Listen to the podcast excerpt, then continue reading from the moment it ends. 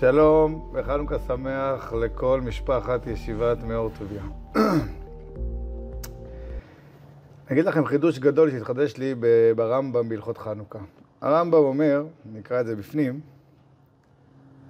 כשהוא מדבר בתחילת הלכות חנוכה על מי חייב להדליק נרות, אומר הרמב"ם, כל שחייב בקריאת המגילה, חייב בהדלקת נר חנוכה.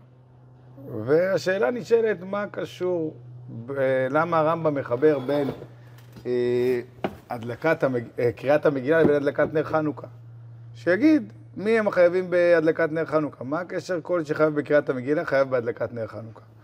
המגיד משנה לדוגמה מסביר שזה פשוט אה, יצא, כי נשים חייבות כי אף הם היו באותו הנס, ובן אדם רגיל חייב להדליק כי הוא חייב להדליק, וחירש שוטה וקטן פטורים, אז יוצא שזה אותו דבר. אבל אז זאת פה חוזרת השאלה, בסדר זה אותו דבר, אבל זה נשמע שהרמב"ם תולה את זה אחד בשני.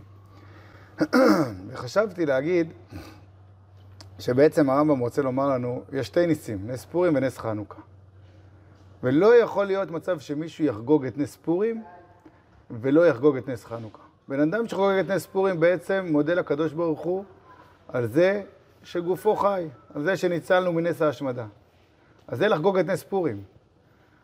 אבל השאלה היא בשביל מה אנחנו חיים? למה ניתן לנו הנס הזה, נס פורים, שהגופים שלנו חיים? למה?